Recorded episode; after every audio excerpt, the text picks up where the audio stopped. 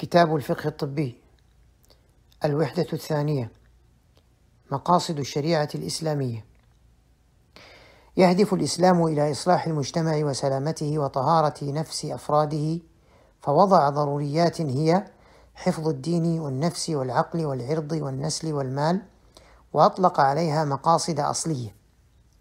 تعريف المقاصد المقاصد في اللغة جمع مقصد وهو الوجهة أو المكان المقصود.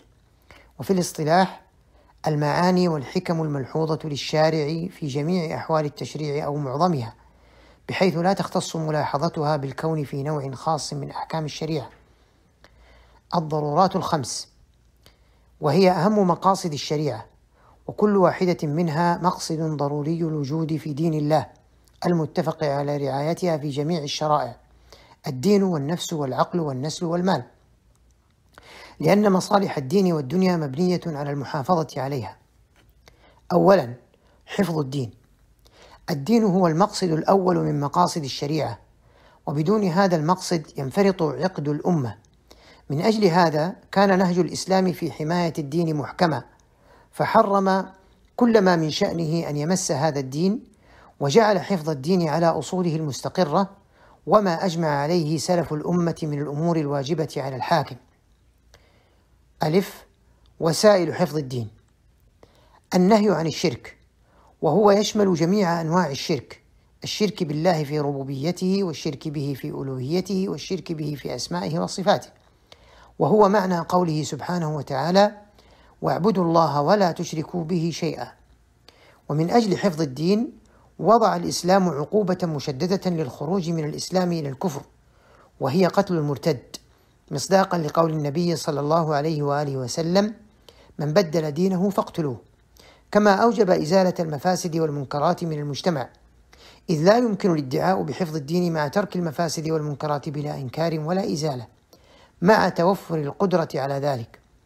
كما كلف الله تعالى عباده بالإيمان بهذا الدين والعمل به وكذا كلفهم بالدعوة إليه وتعليمه وبيان أحكامه وآدابه.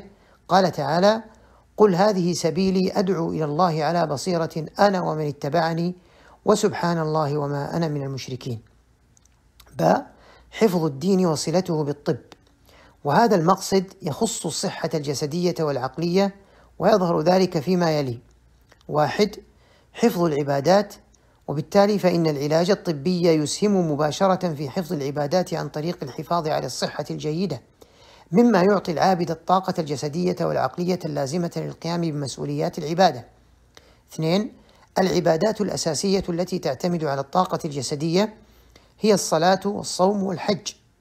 ثلاثة الجسد الضعيف لا يتمكن من أداء هذه العبادات على أكمل وجه. وكذلك الصحة المتوازنة ضرورية لفهم العقائد ودرء الفهم الخاطئ للقواعد. أربعة تحريم التداوي عن طريق السحر والشعوذة والتمائم والحلقات التي لا فائدة طبية طبية منها لأنها من الشرك والتعلق بغير الله وفي تحريمها حفظ للدين. ثانيا حفظ النفس. لم يكتف الإسلام بسن قوانين القصاص والحدود والكفارات والديات من أجل حفظ النفس، بل إنه قرر تدابير للوقاية من جريمة القتل، لأن الإسلام إذا حرم شيئا حرم الأشياء التي توصل إليه. وبما أن حفظ النفس من مقاصد الشرع الكلية ومقاصده الضرورية فقد أحاطته الشريعة بكل ما يمنع النيل من هذه الصيانة والحفظ, والحفظ في إطارات كلية وجزئية ألف وسائل حفظ النفس ألف حرمة دم المسلم وأي عضو منها وعصمته مما علم من الدين بالضرورة والنصوص بهذا متظاهرة فلا يجوز الاعتداء عليه بقتل أو خدش فأكثر ولا قتل نفسه ولا العبث ببدنه والتصرف فيه بما يضره ولا ينفعه كالخصاء والوشم ونحوه سوى ما كان لموجب شرعي من حد أو قصاص في نفس أو طرف أو بتر عضو مريض لمرضه حتى لا يسري إلى بدنه. باء أن الشرع رتب التدابير الجزائية الجزائية الرادعة عن الاعتداء على النفس من قصاص ودية وكفارة وإثم فمن أجل الاحتياط والوقاية من شيوع الاعتداء على الحياة الإنسانية كان حكم القصاص قال تعالى وكتبنا عليهم فيها أن النفس بالنفس والعين بالعين والأنف بالأنف والأذن بالأذن والسن بالسن والجروح قصاص. وبين جزاء قتل الإنسان فقال تعالى ومن يقتل مؤمنا متعمدا فجزاؤه جهنم خالدا فيها وغضب الله عليه ولعنه وأعد له عذابا عظيما. ولعظم جريمة قتل النفس جاء ترتيبها الثاني بعد الشرك بالله.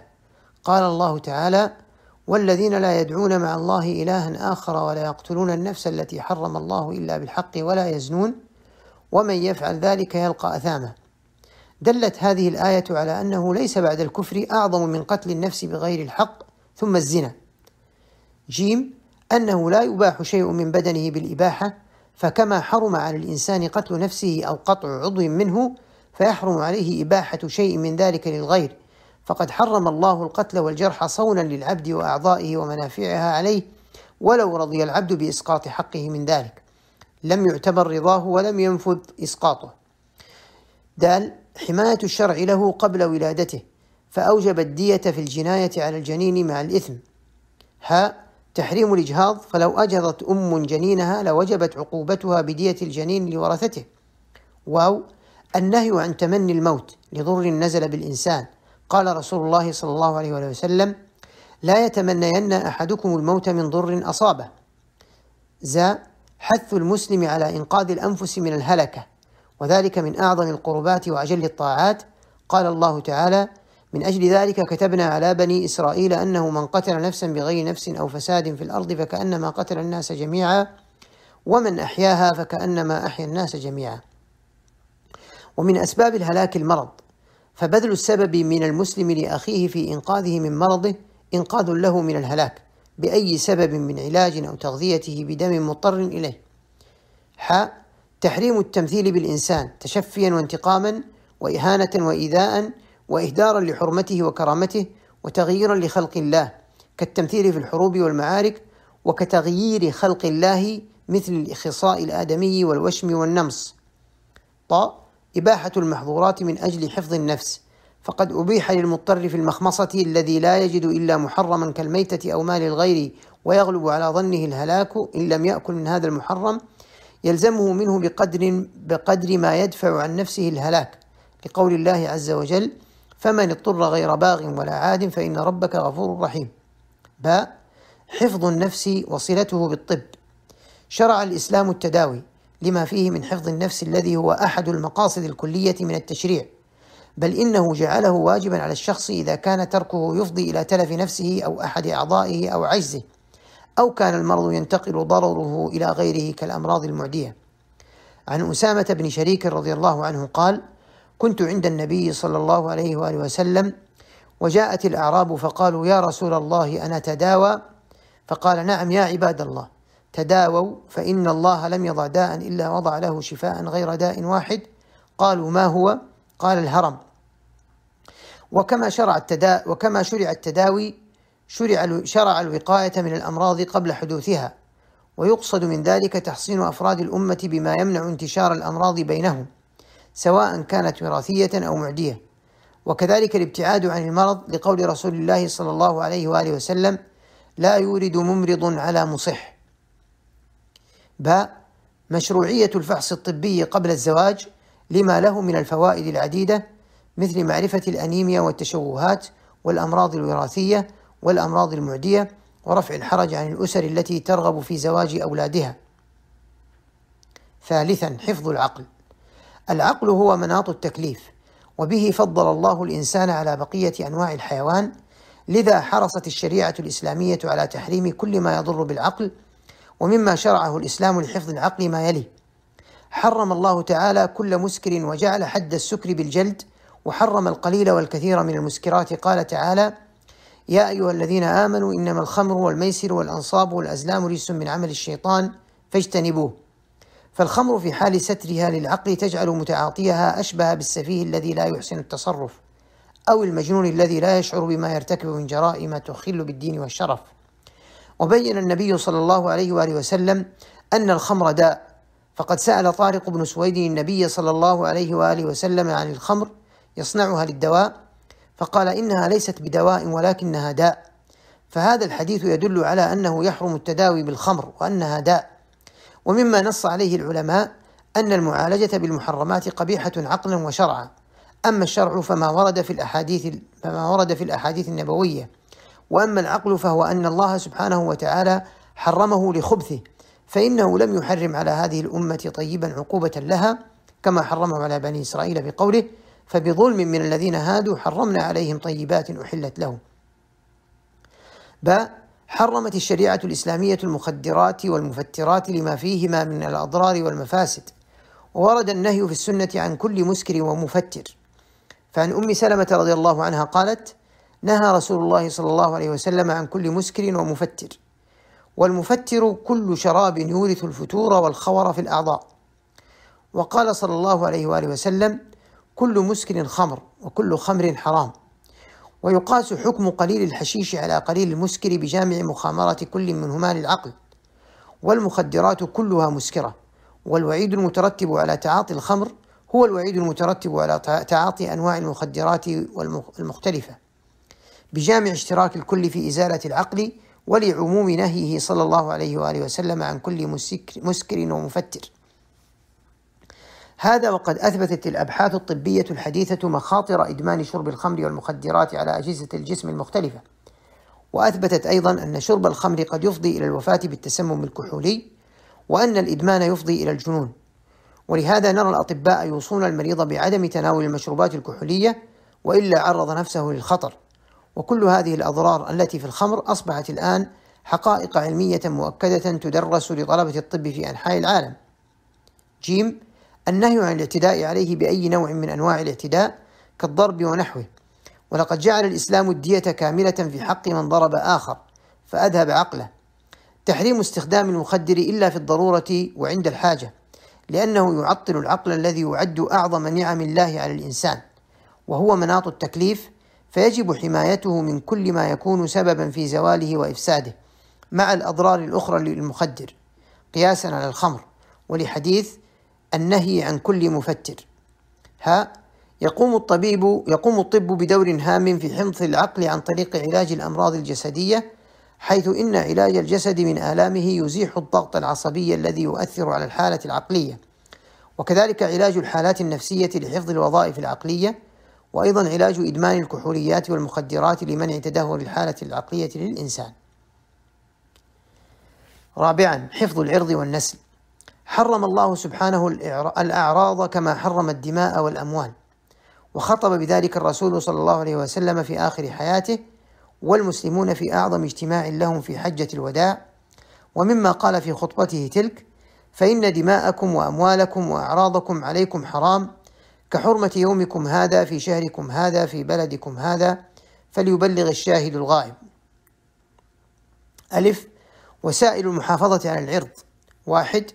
تحريم الفواحش كالزنا واللواط إذ فيهما إفساد للمجتمعات وإشاعة للفاحشة فيها. اثنين تحريم القذف وهو الرمي بالزنا ومشروعية الحد على القاذف. قال تعالى والذين يرمون المحصنات ثم لم يأتوا بأربعة شهداء فاجلدوهم ثمانين جلدة ولا تقبلوا لهم شهادة أبدا وأولئك هم الفاسقون. ثالثا تحريم مداواة الرجل للمرأة والعكس دون ضرورة. رابعا تحريم خلوة الطبيب بالطبيبة أو الممرضة لغير ضرورة. باء وسائل حماية النسل. خلق الله الإنسان ليعمر الحياة ويستغل فيها ما منحه الله من خيراتها من بركات السماء وكنوز الأرض. فكانت عمارتها تقتضي وجود هذا الإنسان إلى يوم القيامة. لذا كان حفظ النسل ضرورة من ضروريات الحياة. ومن وسائل حماية النسل واحد تحريم قتل الأولاد. قال تعالى ولا تقتلوا أولادكم خشية إملاق نحن نرزقهم وإياكم إن قتلهم كان خطأ كبيرا. اثنين تحريم الإجهاض إلا للضرورة كما لو أخبر الأطباء الثقات أن بقاء الجنين يؤدي إلى موت الأم. ثلاثة تحريم استئصال القدرة على الإنجاب في الرجل أو المرأة وهو ما يعرف بالإعقام أو التعقيم. ما لم تدع إلى ذلك الضرورة بمعاييرها الشرعية. بناء على أن من مقاصد الزواج في الشريعة الإسلامية الإنجاب والحفاظ على النوع الإنساني وأنه لا يجوز إهدار هذا المقصد لأن إهداره يتنافى مع نصوص الشريعة وتوجيهاتها الداعية إلى تكثير النسل والحفاظ عليه والعناية به باعتبار أن حفظ النسل أحد الكليات الخمس التي جاءت الشرائع برعايتها. يسهم الطب في حفظ النسل. عن طريق التأكد من العناية الجيدة بالأطفال حتى يصبحوا أفرادا أصحاء في المجتمع. يمكنهم تقديم نسل جديد ذي صحة جيدة وعلاج عقم الذكور والإناث يضمن تكاثرا ناجحا والعناية بالسيدات الحوامل والعناية بالأطفال في مرحلة ما قبل الولادة كل هذا يضمن أطفالا أصحاء يكبرون في صحة جيدة. خامسا حفظ المال. لقد شرع الإسلام وسائل لحفظ المال إيجادا وتحصيلا كما شرع له وسائل لحفظه بقاء واستمرارا. ألف وسائل الحفاظ على المال إيجادا وتحصيلا. واحد الحث على السعي لكسب الرزق وتحصيل المعاش. قال تعالى الذي جعل لكم الأرض ذلولا فامشوا في مناكبها وكلوا من رزقه. اثنين إباحة المعاملات العادلة التي لا ظلم فيها ولا اعتداء على حقوق الآخرين. ومن أجل ذلك أقر الإسلام أنواعا من العقود كانت موجودة بعد أن نقاها مما كانت تحمله من الظلم وذلك كالبيع والإجارة والرهن والشركة وغيرها. وفتح المجال أمام ما تكشف عنه التجارب الاجتماعية من عقود شريطة ألا تنطوي على الظلم بطرف من الأطراف أو تكون من أكل أموال الناس بالباطل. باء وسائل حفظ المال من جانب العدم. واحد. ضبط التصرف في المال بحدود المصلحة العامة. ومن ثم حرم اكتساب المال بالوسائل بالوسائل غير المشروعة والتي تضر بالآخرين ومنها الربا لما له من آثار تخل بالتوازن الاجتماعي. قال تعالى وأحل الله البيع وحرم الربا. اثنين كما حرم الاعتداء على مال الغير بالسرقة أو السطو أو التحايل وشرع العقوبة على ذلك. قال تعالى والسارق والسارقة فاقطعوا أيديهما. ثلاثة منع إنفاق المال في الوجوه غير المشروعة وحث على إنفاقه في سبل الخير وذلك مبني على قاعدة من أهم قواعد النظام الاقتصادي الإسلامي وهي أن المال مال الله وأن الفرد مستخلف فيه ووكيل. قال تعالى وأنفقوا مما جعلكم مستخلفين فيه ومن ثم كان على صاحب المال أن يتصرف في ماله في حدود ما رسمه له الشرع. فلا يفتن بالمال فيطغى بسببه لأن ذلك عامل فساد ودمار ولا يجوز له أن يسرف أو يبذر. قال تعالى ولا تبذر تبذيرا. إن المبذرين كانوا إخوان الشياطين وكان الشيطان لربه كفورا. رابعا تنظيم التعامل المالي على أساس من الرضا والعدل. ومن ثم قرر الإسلام أن العقود لا تمضي على المتعاقدين إلا إذا كانت عن تراض وعدل. قال تعالى يا أيها الذين آمنوا لا تأكلوا أموالكم بينكم بالباطل إلا أن تكون تجارة عن تراض منكم. وكذلك حرم القمار لأنه نوع من الظلم. جيم حفظ المال وصلته بالطب. إن وجود المتخصصين في طب الأبدان واجب كفائي فيجب على المجتمع أن يقيم من يقوم به ويقوم بالإنفاق عليه من موارد الدولة وإلا أثم المجتمع كله. وثوابه عند الله تعالى عظيم إذا خلصت النية. فالطبيب قائم على ثغر من ثغور الدين ففي الطب حفظ للنفوس. حيث إن أموال أي مجتمع تعتمد على الأنشطة المنتجة التي يقوم بها المواطنون الأصحاء. وبالتالي فإن المحافظة على صحة الأجيال وعلاج أي أمراض يضمن الحفاظ على الأموال. لذا نجد المجتمعات ذات الصحة العامة المتدنية أقل إنتاجا من المجتمعات ذات الصحة العامة الجيدة. اثنين أهمية مراعاة الظروف المادية للمرضى. وعدم إثقالهم بتكاليف العلاج في العيادات والمراكز الطبية الخاصة عن طريق المبالغة في صرف الأدوية وإجراء الفحوصات والأشعات والأشعة والتحاليل التي لا حاجة لها لأن الأصل حفظ أموال المرضى.